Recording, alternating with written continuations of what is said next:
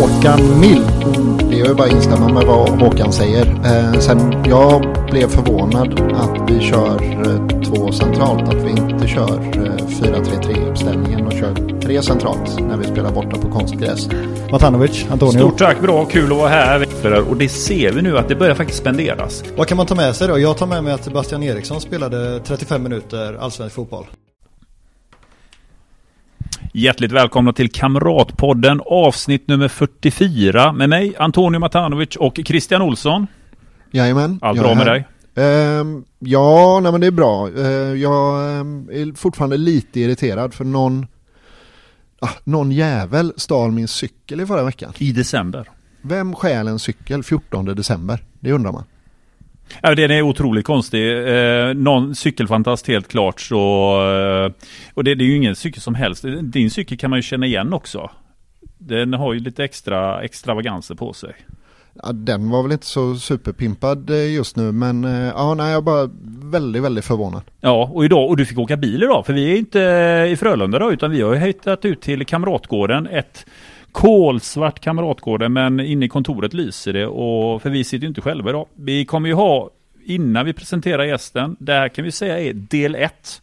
Vi kommer dela upp det här avsnittet i två delar, för det vi ska prata lite grann om det som har varit, och så ska vi blicka framåt så här lagom till julen, och det gör vi tillsammans med Håkan Mild. Hallå Håkan, allt bra med dig? Det är jättebra. Eh, är det bra med er?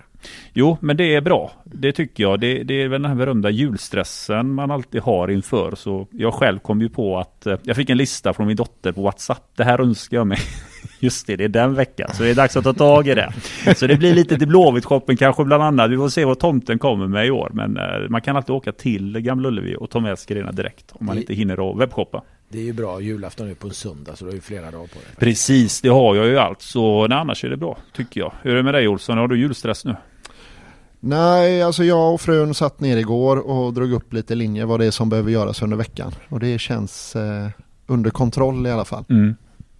Härligt. Och eh, nej, men julen börjar ju närma sig Håkan, men vi har ju för många så är det här en tid där man kanske ska städa undan arbetsplatsen. Man, eh, fredagen brukar bli ju den dagen när man ska rensa skrivbordet och mejlkorgen och sen tar man kanske lite ledigt. Hur är det för dig? Kan du efter den 22 liksom fimpa ner dataskärmen och känna att nej men nu så lägger jag en out of office eh, meddelande och så zoomar du ut helt och hållet. Hur ser julen ut? Hur ser julperioden ut för Håkan Mild? Men eh, julafton är det ju aldrig några problem. Men eh, det brukar alltid vara fullt upp mellandagar med mera. Så att det brukar aldrig vara den ledigheten. Men det är det väldigt sällan eh, i eh, det jobbet som jag har. Så är det väldigt sällan att, att, du, tar, att du är off liksom. Det- Eh, Kalenderåret är ju snart slut och på svenska arbetsplatser har man något som heter semesterrätt. Är du duktig på att ta ut dina semesterdagar? Ja, men jag brukar alltid göra det. Eh, varierar. Jag ska åka på lite semester jag också. Så att, men, eh, men jag tror att man mestadels är uppkopplad. Men jag har inga problem med det. Det är mitt jobb och Ja. jag har valt det själv. Så att det är liksom inget synd om mig. Nej. Så att det är helt okej. Men det är svårt att, att vara eh, off från jobbet och vara borta från det i två veckor. Det, Tycker du det är lika kul att ha den typen av jobb idag? Du, du har ju haft ett, par, ett rätt många år nu. Det kanske är din livsstil. Ja, men det är det är nog. Och så när jag inte har varit på IFK så har jag ju drivit eget. Så då är det ju en annan. Då måste man ju dra in kulorna på ett annat sätt. Och då med de jobben som jag har haft och de eh, verksamheterna så då är det, det är ungefär likadant. Mm. Du blir aldrig, du är aldrig helt off. Men som sagt, det är en livsstil och jag har inga problem med det. Vi befinner oss, som sagt, december är snart slut. Allsvenskan, det var ett tag sedan vi hade Varberg-matchen. Eh, Allsvenskan har ju varit på viloläget lite tag här nu. Hur, har, hur var känslan för dig Håkan efter Varberg? Vad gick det för känslor för dig när säsongen tog slut? Om du kan jämföra det i kontext med andra säsonger. Hur skiljer sig det här avslutet i år?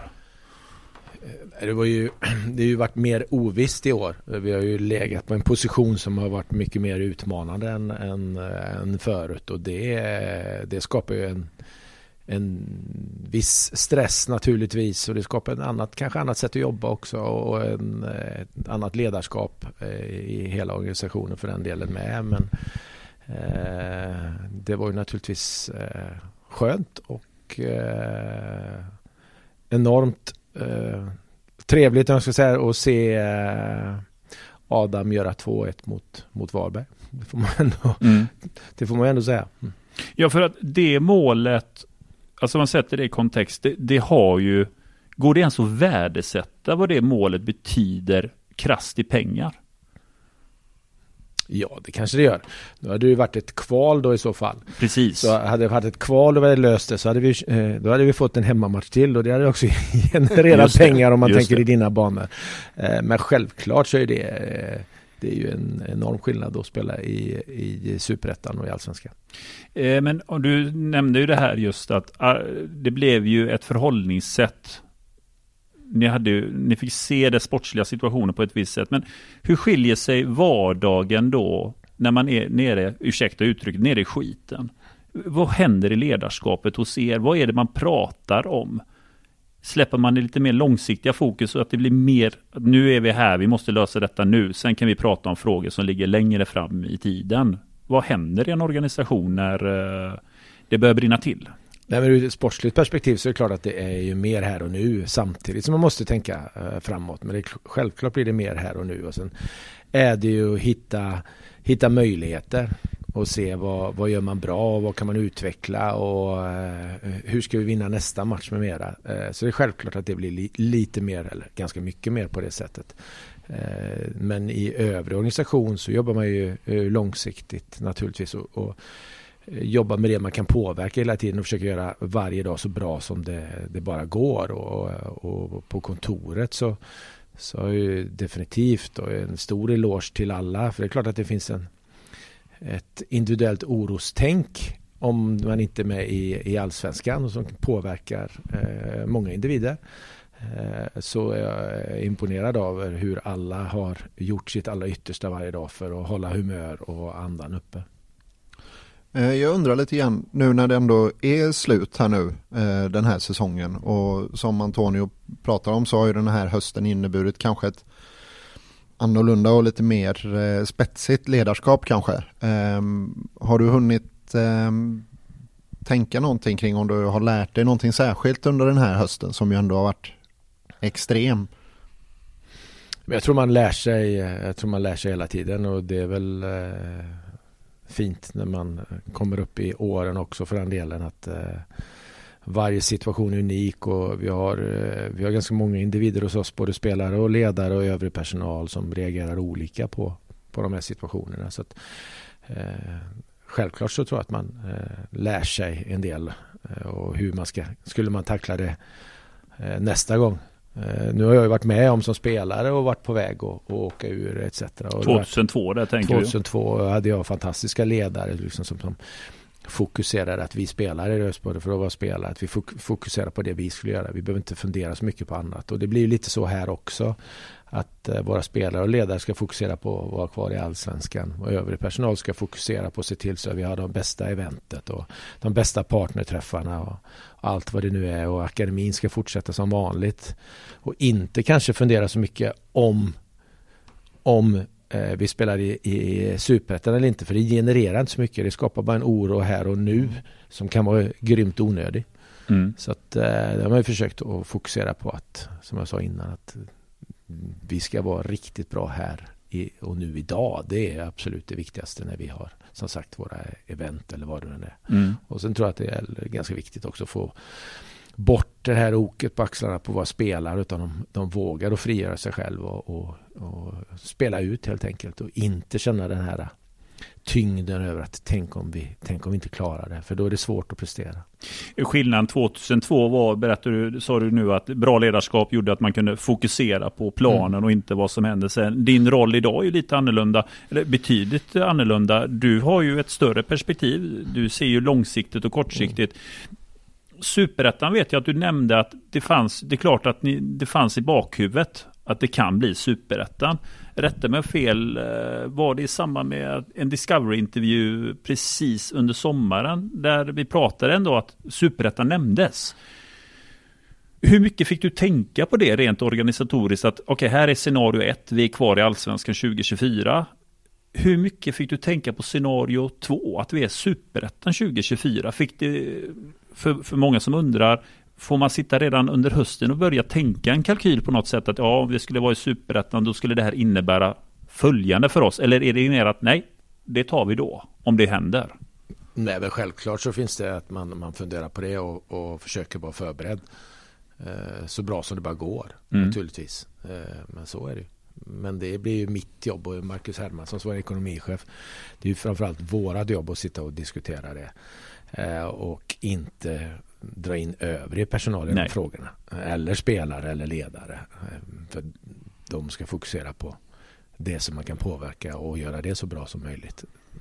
Så det, det har inte blandat in någon annan men självklart har vi suttit och haft diskussioner om det här. Ja, mm. man får isolera pestsmittan till... Ja, men så är det. Och då blir det ju mitt jobb och så har jag dragit med mig Marcus i den, i, i den utförsbacken då, så att han också fått lida lite.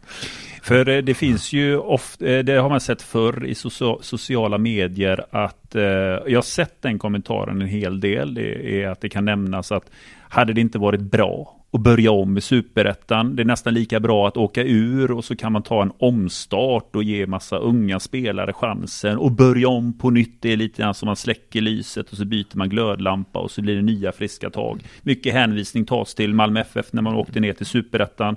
AIK för all del, AIK i trubbel i år, men just den resan Malmö gjorde att åka ner till superettan till att vara det laget man är idag. Eh, då ställer man den jag vet ju att du kommer säga nej Håkan, eh, du kommer säga nej Håkan, det finns inga fördelar med att åka ur superettan, men finns det Finns det någonting, vad skulle det innebära att åka ur superettan? Finns det inte någon sundhet i att på något sätt att starta om? Det kan väl alltid finnas en sundhet att starta om men jag ser absolut ingen, inget positivt med att vara i superettan. Vi kan ju eh, fortsätta att utvecklas och ta beslut på att vi ska satsa på yngre spelare eller att vi ska hitta andra matchmiljöer. Det, är ju, det där är en ständig process som man jobbar med konstant. Men åka, behöver man inte åka ner i superettan för, för att, att ta de besluten. För det är väl inte bara det att man tappar i tv-intäkter. Jag tänker också fungerar det inte så i fotbollen att om du åker ner en hylla så försvinner också en del värde i en spelare. En spelare som är lika bra i superettan som i allsvenskan är i allsvenskan mer värderad om man ska ta det som exempel. Ja. Ja, och bara där har vi ett gäng antal miljoner utöver tv-intäkter. Eh, men Olsson, vad tycker du? Finns det någon logik i att starta om eller ska vi kasta den här? Ska vi kasta de där kommentarerna i soptunnan en gång för alla? Det finns inga fördelar alls att starta om i en lägre serie. Nej men alltså jag, jag tänker så här att om, om Håkan, KG och, och styrelsen inte lär sig någonting av den krisen som vi hade nu 2023 eh, hade de då lärt sig någonting av en snäppet större kris att vi åker ur? Det, det tror jag inte. Alltså, det är möjligtvis att man kan behöva eh, behöva en kris, men att man behöver liksom en, ett dramatiskt skeende för att och liksom inse att men den här vägen som vi har valt nu, det funkar inte, vi måste skifta väg. Men jag tycker inte att man nödvändigtvis måste åka ner en serie liksom. Jag tror inte att, man, jag tror inte att Håkan och, och, och Rickard och de andra hade lärt sig någonting mer som de inte har lärt sig i år. Liksom. Ja, men vad tar man med sig här nu? Jag tycker, jag tycker inte heller man ska starta om i superettan. Jag ser ingen fördel med att åka ut överhuvudtaget. Jag tycker det bara är nattsvart och jag tycker superettan har ju tappat så mycket i kvalitet. Jag vet inte vad du tycker Håkan, men superettan idag jämfört med ett gäng år tillbaka. Det, jag upplever att kvalitetsskillnaden allsvenskan och superettan har blivit mycket större än vad det var för ett par år sedan. Eh, vad tycker du själv? Ja, det där går väl i vågor lite grann, men jag kan hålla med om det. Jag kan väl tycka att svensk fotboll eh behöver eh, snäppa upp ett, ett antal steg. För jag, jag tycker vi har tappat lite. Jag tycker vi har tappat lite organisation och, och, eh, och eh, göra bra saker tillsammans tycker jag man har tappat i svensk fotboll lite grann. Om jag ska vara ärlig om man tänker internationellt och med landslag. Jag tycker att vi har många fina fotbollsspelare men att få ihop det här till att och, göra det tillsammans och förstå att man är behov av sin lagkompis kvaliteter och inte bara sina egna. Det, det finns det en utmaning i tycker mm. jag. Eh, jag tror att det är ganska mycket det som fattas och det, det är ännu sämre i, i superettan. Ja, och det ser du en tydlig tendens på att det ser du med dina ögon att det har blivit sämre. det är ju min subjektiva uppfattning. Jo, och det är men mina absolut. ögon. Så att det, det är ju det jag säger. Det är ju helt riktigt. Eh, men det är klart att det är subjektiva åsikter från min sida. Mm, nej, men för jag menar, nu, när, som till exempel Brommapojkarna och Utsikten blev ju en 7-0 historia. Det kanske också sänder ett signalvärde i hur, eh, hur kvaliteten står sig i ett lag som slutar trea i Superettan kontra ett kvallag. Eh, eller vad tycker du Olsson? Nej men jag tycker utsikten, det är, det är ju svårt att, att eh, ta deras säsong eh, och, och dra några linjer utifrån den. För den är ju så oerhört märklig hur starkt de gick på våren Mm. och sen så de överpresterade ju något enormt under våren. Det är Mm. så jag tolkar deras säsong. Mm. De var liksom 7-0 dåliga egentligen gentemot allsvenska mått. De Ja. skulle, alltså det är ju deras tredje plats som är en otrolig bedrift liksom. Men eh, om vi hoppar från tillbaks lite grann här, eh, utsikten med alla era. Om vi hoppar tillbaks till Varberg. Just när slutsignalen har gått, eh, du står i Discovery, eh, det är lite kallt och ruggigt. Dagen efter, hur mår klubben IFK Göteborg? För det måste ju ändå varit en väldigt stor anspänning inför Var- Varberg-matchen. Och så är det över, kontraktet är säkrat. Hur mådde du dagen efter? Ja, men självklart så är det ju, är ju det, är, en- det är ju fantastiskt härligt att vi vinner över Varberg men det är ju tudelat liksom. Är ju, det är inget skönt att, att sluta en serie och vara trettonde. Alltså, det är inte alls skönt. Och, man är ju glad att vi är kvar i allsvenskan men jag tror att eh, de här tankarna och sånt är ju redan på framtiden. Mm. Eh, Även om man har haft då ett dygn innan att vad, ska vi spela kval eller är vi, eller är vi kvar i allsvenskan med mera. Så någonstans där så blir det väl en, en viss tomhet då att man är ganska missnöjd över eh, just den delen av, av året. Mm, och då är ju frågan, det är ju en jättestor fråga, men hur kunde det bli så här i år då? Hur kunde du, hur kunde, att du vaknar upp missnöjd dagen efter Varberg? Vad var det som gjorde att den här säsongen blev som den blev 2023? För det, vi får, med facit i hand, vi får väl kasta den lätt i papperskorgen. Det är inget bra år. Nej, det är inget bra år. Man får väl, eh, som Christian säger, att man får ju lära sig av saker. Och vi får ju lära oss av det här också och ta med oss de erfarenheterna och bli, bli ännu bättre. Eh, utan att göra en för lång summering som är självklart så, så byter vi tränare i mars. Det är, liksom, det är ju ingen bra början. Det är ju definitivt ett stort misslyckande att vi Mm. gör den. Och vi tycker att det är så pass eh, viktigt att vi gör det för att hitta energi och få ihop gruppen och, och tänka framåt. Och vi tycker väl att vi får en energi i gruppen också men vi får inga resultat. Jag tycker att både spelarna och ledarna som är, gör sitt allra yttersta men vi får inga resultat. Och tittar man på statistik och så här så borde vi ha haft ett antal poäng men det är helt icke-relevant för vi har inte mer poäng. Mm. Och vi eh, sa också att vi kommer ta tid på oss för att, att hitta vår organisation. Och det är möjligt att eh, i efterhand så så kan det ha tagit lite för lång tid men jag tror ändå att det var eh, helt rätt, rätt tänk och så får vi in Ola och så jobbar vi ut, ut lite andra strukturer och sen så får vi in Jens och det börjar väl eh, halvdant om man ska vara ärlig med, med Sirius borta och sådär men killarna och, och ledarna har egentligen hela året haft ett, ett bra go och ett, ett driv och hela tiden gjort försökt och gjort varandra bra. Och så har vi ju en period där vi gör ganska bra, en 12 matcher eller något sånt och så känns det som vi tappar momentum och incitament och så hamnar vi i den här situationen än mot Varberg och som vi klarar. Så att, eh, vissa delar av säsongen så ser man att det finns, eh, det finns potential. Eh, men i början av säsongen så, så tycker inte jag att, att spelarna och även viss- ledare också för den delen fick inte den chansen de förtjänar på grund av att vi gör den rokaden vi gör men vi tycker Mm. att den är så pass viktig att, eh, att det hade en sån betydelse för att, att gå vidare. Var det ett, eh, nu det är ju tid sedan, men var det ett lätt beslut att ta i mars månad? Det är definitivt inga lätta beslut. Det är inga lätta beslut att, att, att ta när man bestämmer att man inte ska ha kvar eh, en tränare eller någon annan individ. Det är inga lätta beslut. Det ska Mm. inte vara lätta beslut heller. Det vore väldigt konstigt. Så självklart är det en, en, en lång eftertanke och, och att vi tittar på vilken utveckling har vi. Hur ser vi att eh, den närmsta månaden kommer bli? Vilka fördelar och vilka nackdelar är det? Så nej, det är ju det är ju ett eh, konsekvent tänk men det är ju definitivt inga lätta beslut. Hur eh, gick tankarna under förra hösten runt eh, tränarfrågan? Eh, ja men oktober, november. Eh, hade, alltså Nu, nu förstår jag liksom att en tränare har ett hundraprocentigt förtroende fram tills den dagen man sparkar dem. Brukar det ju heta. Men, men, ju. men under en sån utvärderingsfas så måste det ju finnas skalor liksom. Och med tanke på hur det att han ändå är, att Stara ändå får gå i, i mars så måste det ju ha funnits tränare som du har haft större förtroende för i november genom åren. Ja, men vi, klart att vi tyckte där och då var vi inte vi nöjda med den utvecklingen som blev. Liksom. Och sen så eh, självklart så sitter man ju ner och så diskuterar man och så lägger man upp en plan och så, så tror man på den.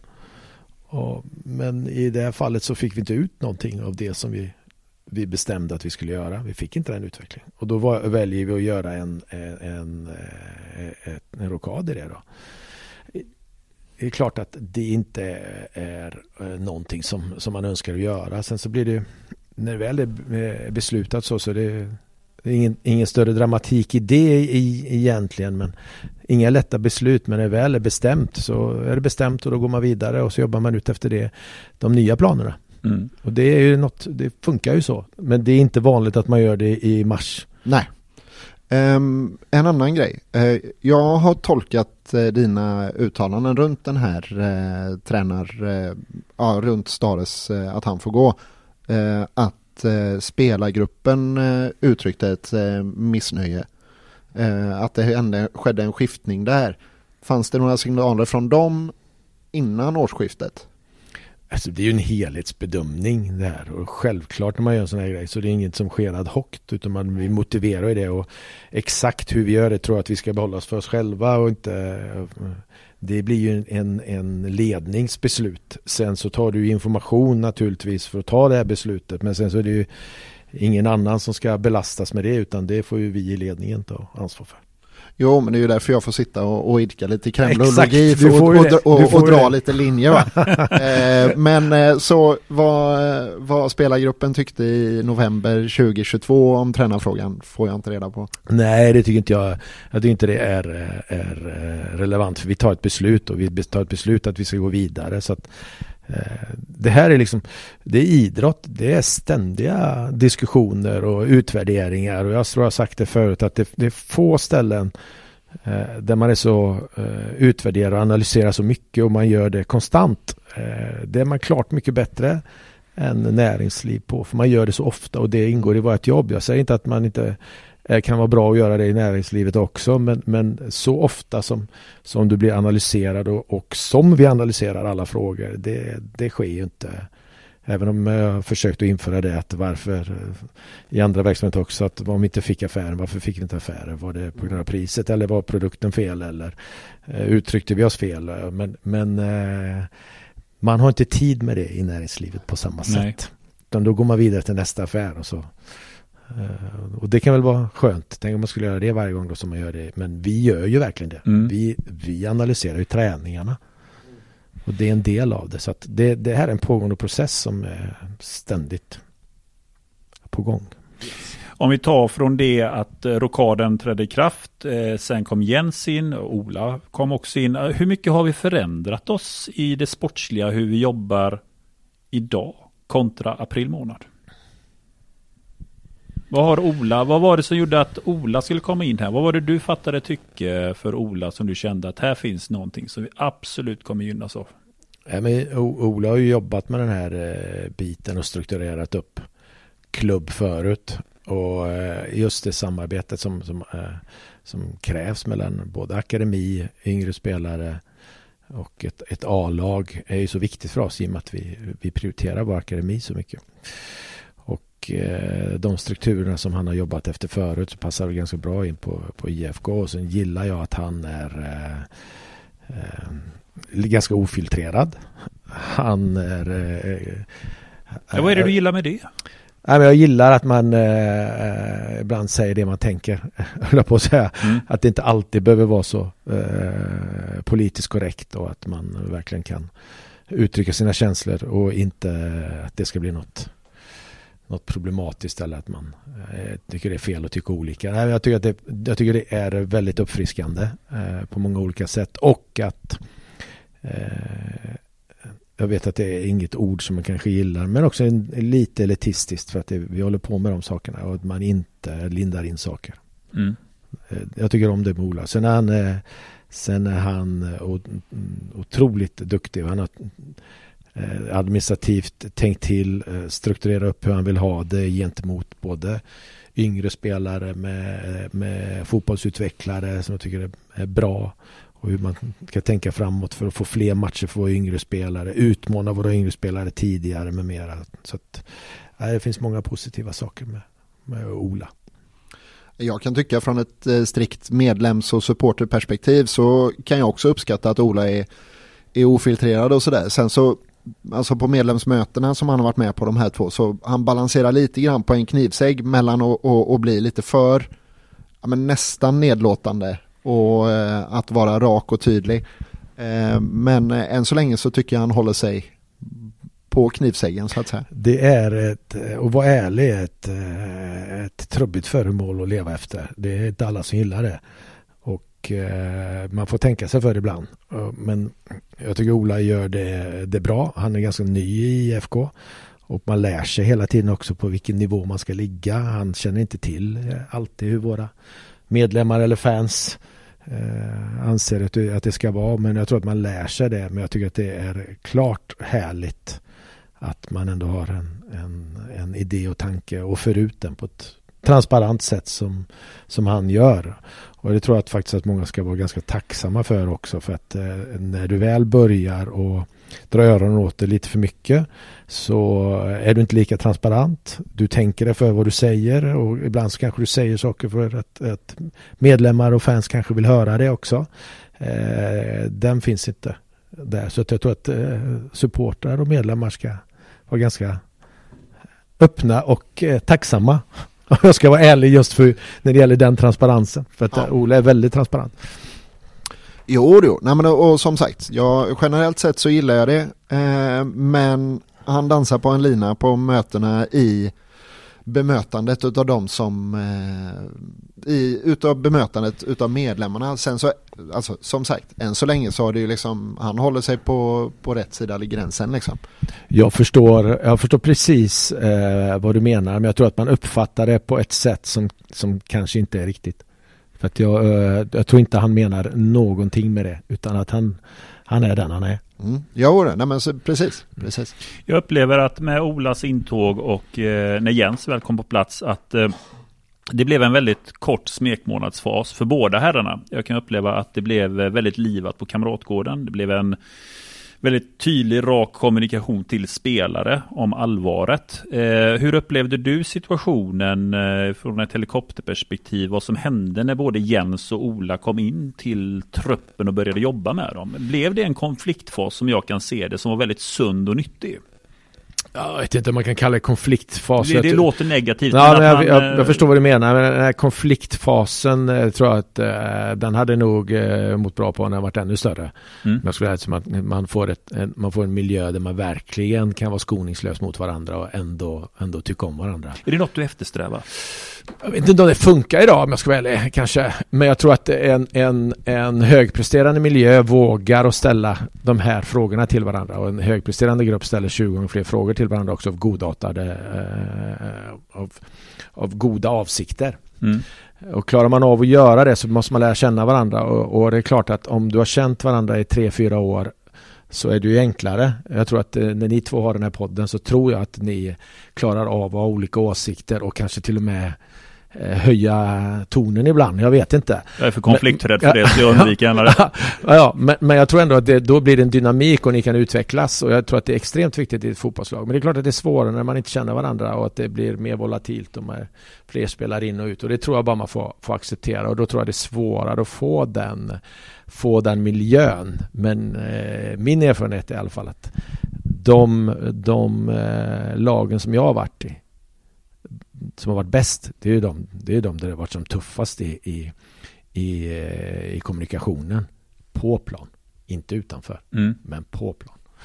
Så att det tror jag att man, man det är bra om man kan komma dit hän men det, det krävs ett, ett, stort jobb och det tycker jag att Jens och Ola har uh, börjat på ett alldeles uh, fantastiskt bra sätt och, och ha en rakare kommunikation både med varandra mellan Ola och Jens men också övriga ledare och spelare. Men det kräver ju någonstans att man har ett eh, hundraprocentigt förtroende för den som är bredvid en på planen för att man vet att de här grejerna landar på ett sätt som alla kan respektera sen när man kliver av liksom.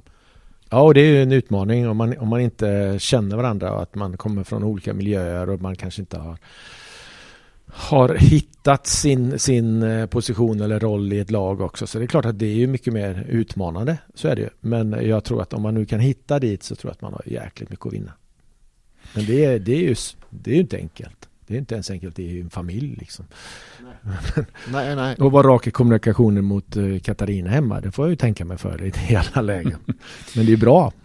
Men eh, tror du här, och vi, det ska vi ta mer lite längre fram här när vi blickar lite framåt, men med Jens och med Ola och lite grann det som byggs under året, är det att vi vill bygga den kulturen, att vi vill vara mer raka med varandra, vi ska vara lite, det, alltså ordet konflikt låter ju väldigt negativt, jag ser det som väldigt positivt, mm. för det är möjlighet att vi kan belysa, det här funkar inte just nu, det måste vi börja, det måste vi få funka, för är vi tysta om det, då, är, då dränerar man ju sig själv till slut och så ligger man där i diket och kommer inte upp igen. Men det är inte, det är inte okej okay att vara på, det är inte okej okay att vara på, eh, speciellt inte på en fotbollsplan eller arbetsplats och, och inte driva energi och, och försöka utveckla verksamheten och se till så att vi hela tiden blir bättre och då ibland så behöver man ju, behöver man ju säga de här sakerna som möjligtvis kan, kan vara lite lite kontroversiella möjligtvis eller att motparten inte tycker om det du säger. Men du måste ju våga göra det för att vi ska kunna bli bättre. Men då måste man ju förstå att man gör det av goda avsikter och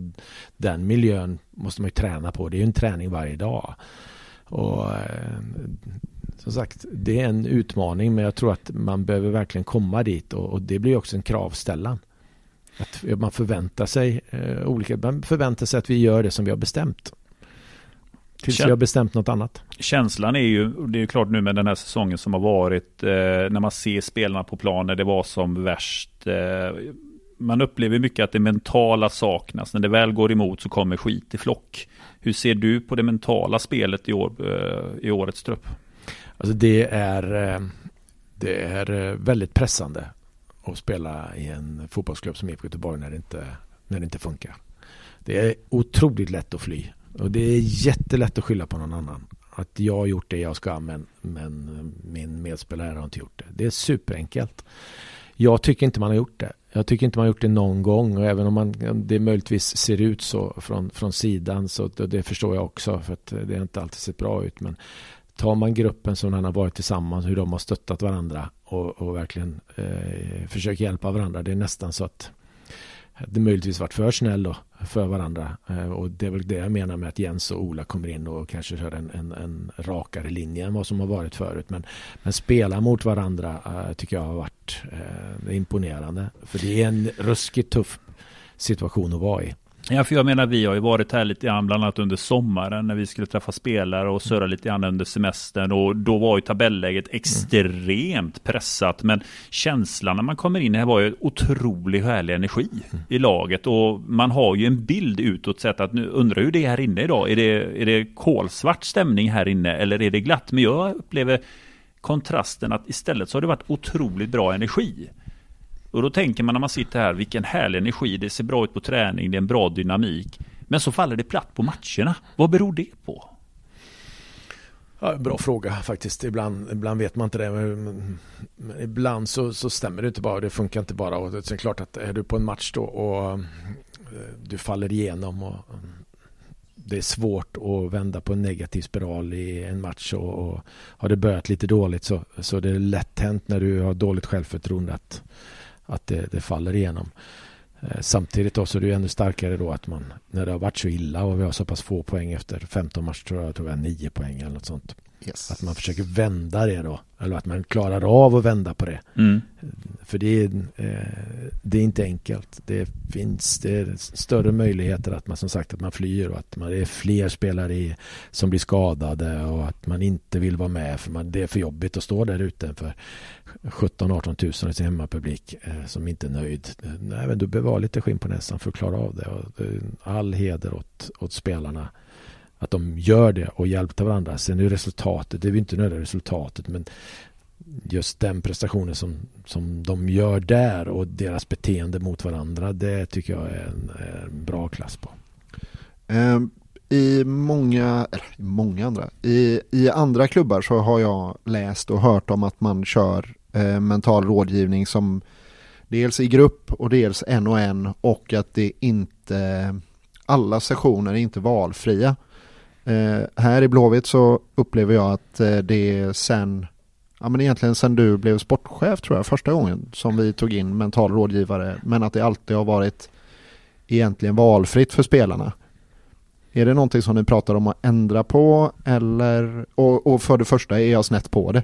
Nej, det, jag vet faktiskt inte, det är nog en fråga från Tave och Ola för att inte pratat om faktiskt hur, hur framtiden ser an. Men jag, jag tror att om man ska om man ska prata med en KBT eller en psykolog eller en mental rådgivare så, så måste du vilja det.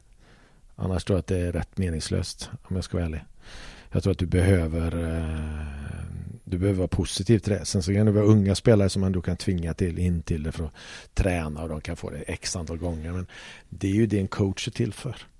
Sen mm. om du har några andra mentala issues liksom som gör att du, att du inte presterar. Och, eh, för alla är ju inte så öppna. Många kan vara negativt inställda till det. Men det är för att det nämns ordet psykolog. Det klingar negativt. Alltså, eh, ja, men absolut. Jag har ju haft spelare som absolut har sagt att liksom, jag, det är som att säga att jag är svag. Mm. Ja, men då ska du inte träna på inlägg heller. För du är dålig på inlägg. Så det är lite samma, eh, samma sätt att se på det. Men just det är klart att om du ska diskutera din att man är otrygg eller, eller något sånt där som, som är fullt normalt nästan alla individuella idrottare gör det och någon gång i ens vuxna liv så kommer man nog komma i kontakt med någon typ av KBT-terapeut eller någon som man hamnar i svårigheter i sitt liv eller man kanske går igenom skilsmässa eller att man har separationer eller dödsfall eller något som man behöver prata om. Det är bara sunt men eh, du måste ju vilja göra det själv annars är det ju ganska meningslöst. Ja, samtidigt så hör man ju om de här klubbarna som, men då jobbar de kanske i grupp först och sedan individuellt, men där de verkligen har det schemalagt. Mm. Ja, och det, och det, kan man göra och det har, det har vi haft i IFK också, men det blir väl en fråga framöver och vad som passar, vad eh, Jens och Ola och de tycker passar bäst. Men eh, så, så har vi haft i IFK förut också. Men det får väl framtiden utvisa. Jag vet faktiskt inte hur, hur vi har tänkt där riktigt. Hör du, med mycket av den här säsongen i fokus så får jag be dig Håkan Mild att eh, vi börjar i den uh, tråkigare änden. Uh, jag skulle vilja att du skulle lista tre mindre bra saker med årets säsong. Ja, eh, resultatet är en del naturligtvis ja. och att misslyckande att vi att vi eh, att vi bytte tränare i mars är en sak eh, till och sen tredje då att, att, att, att spelarna kanske har fått den möjligheten och, och utvecklas tillsammans i IFK som vi skulle önska liksom, som det gör ändå när man har en kontinuitet och man bygger något från, från grunden och så, så kör man ett helt år så ser man på hur det, eh, hur det blir då. Eh, det har inte spelarna fått. Så det är väl de tre sakerna kanske. Och i allt detta, jag menar det är ju tre mindre bra saker i din roll. Du får ju mycket kritik. Eh, experterna på tv säger sin sak. Eh, supportrar säger eh, en del saker också och skriver till dig per mail. Eh, hur mår du under en sån här säsong? Nej men jag mår ju bra om vi vinner. Mår vi inte, vinner vi inte så mår man ju sämre. Du har mått rätt uselt i år. Ja, det finns många saker. Absolut. Men jag Alltså, det är ju mitt jobb. Jag tror att andra tror att det är mycket värre än vad det är. Liksom. Jag går ju till jobbet varje dag och har en, en bild att vi ska göra någonting bra. Och jag har ju fantastiskt många bra medarbetare bredvid mig som där vi driver energi och tittar framåt och, och ser saker som också vi gör eh, jäkligt bra. Eh, så att mitt, min bild och mitt liv, alltså jag lägger inte fosterställning, det är ingen synd om mig. Jag har valt det här jobbet själv och varje dag jag går till jobbet så tror jag att vi kan göra någonting, någonting bra. Alltså annars är det ju jag, jag, jag lider inte som många tror kanske att jag, att jag skulle göra. För att det finns Håller man på med idrott och, eller allting egentligen och utvecklande miljö så, så är det ju, drivs man ju av att hitta möjligheter till att göra saker bättre. Så det är inget åskmoln ovanför huvudet när du går upp för trappan en måndag efter att vi har torskat? Jo, men det, det kan ju vara mitt eget huvud. Det är klart att det, det är man ju inte nöjd med. Jag säger definitivt ingen om att jag eh, Självklart är jag besviken och har eh, taskiga känslor och är förbannad och alla de här grejerna. Men, men eh, det går inte att tänka så mycket på det. Eh, eller rätt sagt inte för länge. För det är ju, det är ju mitt jobb att, att inte göra det och driva saker och ting framåt. Jag tänker, jag menar eh, medarbetare kan ju bolla med varandra. Du kan ju ha fokuset och ge energi till din omgivning. Men när det ändå är en sån säsong det är förlust på förlust på förlust. Var får du din energi ifrån? Vad gör att du orkar eh, gå upp för trappan och känna att nej men det, jag ligger inte i fosterställning. Det var ganska okej okay ändå. Var får du energin ifrån? Nej, jag, jag har jättefina medarbetare. Jag har en, en, en helt fantastisk familj. Jag har ett litet barnbarn. Jag har en hund. Jag har en fantastisk fru. Våran eh, Julia, eh, dotter. Eh, så det går, ju, det går ju hur lätt som helst att hitta negativa saker. Det går hur lätt som helst att gå upp morgonen varje dag och tycka synd om sig själv. Det är det enklaste du kan göra. Och hitta att det är någon annans fel. Men det är helt meningslöst. Så att jag är ju en extremt privilegierad människa. Och få syssla med fotboll och en familj och ha bra medarbetare. En fantastisk arbetsplats som ni sitter på nu. Så att eh, det vore extremt förmätet av mig att tycka synd om mig själv. Mm. Nej men det, det, måste man ge det, det är en styrka. Eh, det, som sagt, så det, det, du, det här jobbet är ju inte som många andra så att man kanske kan stänga av helt. Eh, det, utmaningen är väl att försöka stänga av en säsong som denna. måste jag fråga, hur kan du stänga av och ladda energi? Är det det du nämner det här precis nu? Hunden, frun, barnbarnet som gör att du kan koppla bort lite grann och fylla på energi och ta en ny dag som det kommer? Ja, som, alltså, jag har ju levt med fotboll och, eh, och andra saker i hela, som sagt, hela mitt liv. Fotbollen är ju fantastisk för det kommer hela tiden ny match. Mm. Du kan hela tiden jobba för att utveckla, du kan hela tiden jobba för att bli bättre. Vi har alla möjligheter att, att bli bättre. Det är upp egentligen till var och en hur mycket tid och kraft eh, du vill lägga ner, hur mycket passion, professionalism du väljer att, ha och göra. Det finns liksom inga begränsningar för, för oss som jobbar här egentligen. Eh, för det finns alla möjligheter att bli hur bra som helst. Det är egentligen upp till varje individ hur mycket kraft och tid du vill lägga ner och sen så finns det ju alltid en ja, vi har 24 timmar och du ska orka, du ska ha återhämtning och etc. Men, men om man nu vill det, om man nu vill bli riktigt bra så finns det alla förutsättningar att göra det. Och du känner att du fortfarande vill Håkan Mild, eh, ha kvar den här rollen som klubbdirektör och vill utveckla IFK Göteborg och få laget att eh, komma på betydligt bättre placeringar än 13 plats? ja, det är en retorisk fråga. Ja, absolut. Jag vill ju att hela IFK ska vara bra. Jag pratar inte bara om att vara ett herrlag. Jag vill att vi ska vara bra på allt. Vi ska vara eh, grymma på våra evenemang. Vi ska vara bästa nätverket. Vi, vi har fantastiska partner. Vi har fan, fantastiska supportrar. Eh, ni är ju två supportrar som engagerar er och bara en podd och tar er fritid och göra de här grejerna. Bara det är värt all beröm och också eh, ge energi till. Så att eh, IFK Göteborg, jag tror aldrig varit med om, om jag ska vara ärlig, sen så kanske man blir eh, äldre och blödig och mer nostalgisk och jag är normalt sett inte speciellt nostalgisk. Men det hänger för mycket med barnbarnet. Ja, det kan vara det faktiskt. Det kan vara det och djur alltså. Nej, men det är sant. men det engagemanget av så många som vill vara med och hjälpa till, mm. det är ju det blir man ju rörd av. Alltså jag är ju uppvuxen i den här klubben. Jag kom hit som 15-16-åring. Så att för mig är det det är ganska stort och för mig är IFK det viktiga. Håkan Mild är totalt oviktig egentligen i det stora hela. Om man ser på, ser på IFK Göteborg. Och, eh, det är väl det som är eh, eh signifikativt för IFK också i en sån här situation. Då, när, vi inte, när vi inte lyckas och så fyller vi våra läktare ändå. Vi har partners som vill vara med och vi har en, otroligt många andra. Vi hade supportermöte här om, om kvällen som har mycket idéer hur man kan göra saker och ting bättre. Då. Har IFK Göteborg varit utåt sett för mycket Håkan Mild? Det kan ju inte jag svara på. Anledningen till att jag frågar är för i samband med att Ola Larsson kommer in Mm. och Jens kommer in så är ju inte du med plötsligt lika mycket i artiklar. Man ser det inte utåt sett. Eh, är det en medveten strategi till att lyfta fram det nya och låta det nya få tala och föra talan fram? Eller blev det bara så?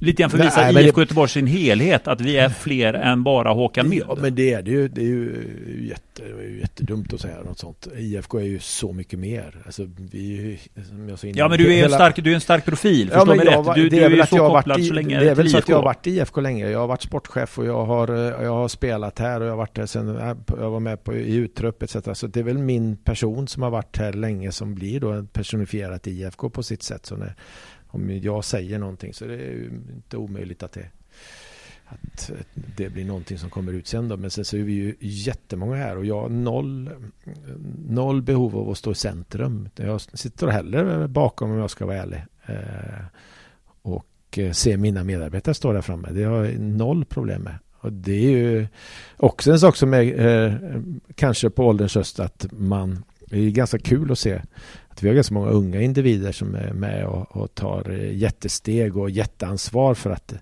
att vi ska göra ett bra jobb. Och det är ju det är också eh, utvecklande för, för IFK, för mig och för dem också. Och härligt att att följa. Vi måste ju också nämna tre bra saker som du vill ta med dig från året. För allting har ju inte varit nattsvart Håkan. Det har det verkligen inte.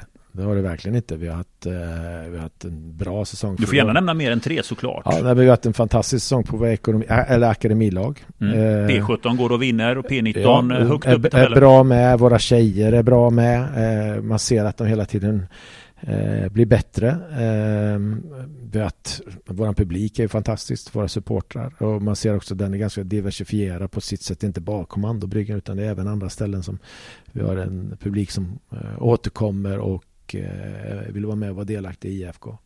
Vi har eh, ökat våra partner, våra partnernätverk har varit otroliga. Det har också varit eh, många företag som har varit med och stått lugnt med båda fötterna på, på, på marken och, och sett också att vi hela tiden försöker utveckla oss.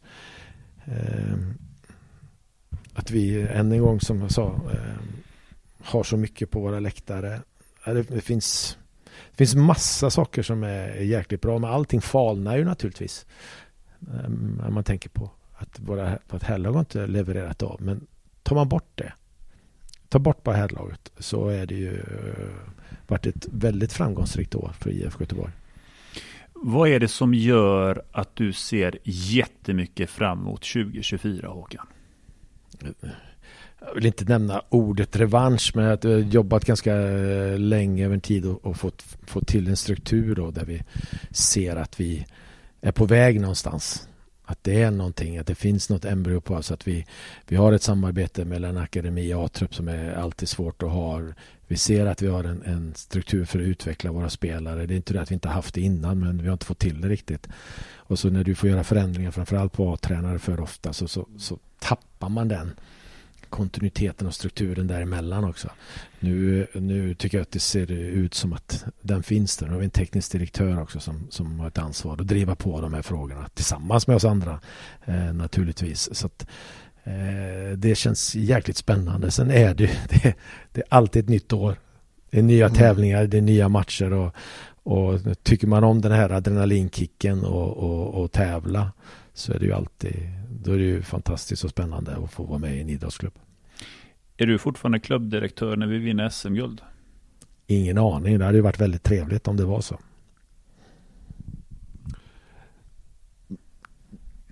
Har du något du skulle vilja tillägga där Olsson? Om jag skulle vilja tillägga någonting innan vi rundar av den här första delen. Um, nej, men jag är väldigt taggad inför del två som ni lyssnare får ta del om, av om ett par dagar.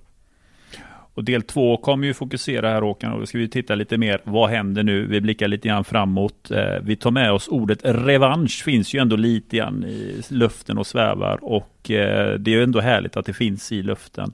Eh, om du får väl säga ett par väl valda ord om den här säsongen Håkan. Vad skulle du vilja säga till supportrarna om den här säsongen innan vi stänger den här delen?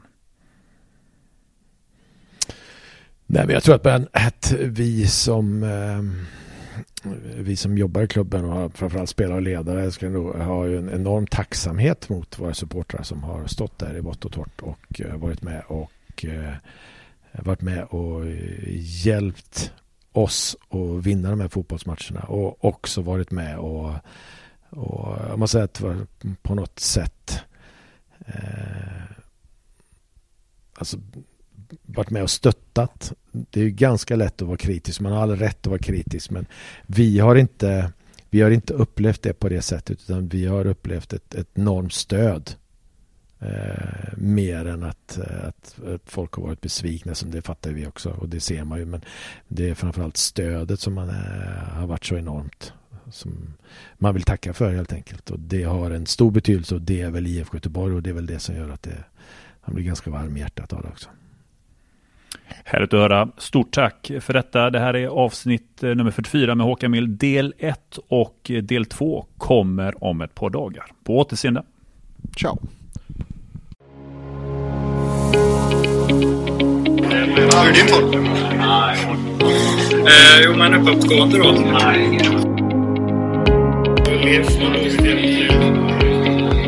Jag trodde som pojke att jag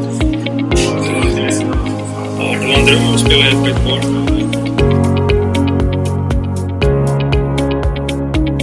Håkan Mild. Det är bara att instämma med vad Håkan säger. Jag får göra det som du får göra det som. Eh, sen jag blev förvånad att vi kör eh, två centralt. Att vi inte kör eh, 4-3-3 uppställningen och kör tre centralt när vi spelar borta på konstgräs. Nej, 4-0. Alltså det, det är väl det vi tar. Olsson, hur läget med dig? Matanovic. Stort tack, bra, kul att vara här. Vad kan man ta med sig då? Jag tar med mig att Sebastian Eriksson spelade 35 minuter allsvensk fotboll. Faktiskt det. Det är ju inte många år man ska vrida klockan tillbaks när man faktiskt kunde tänka sig att en spelaraffär in till allsvenskan över 10 miljoner, det skulle nästan vara otänkbart. Det är många klubbar som senaste boksluten redovisade rekordsiffror och det ser vi nu att det börjar faktiskt spenderas. Eh, nej men det är ju en sån liga som är lite grann som Championship var förr. Fullt ös, inte riktigt eh, hållt tätt bakåt. Utan eh, ja, raka rör och rätt på. Så det kommer ju passa Oskar. Det är ni som är de konstiga och sådär. Exakt.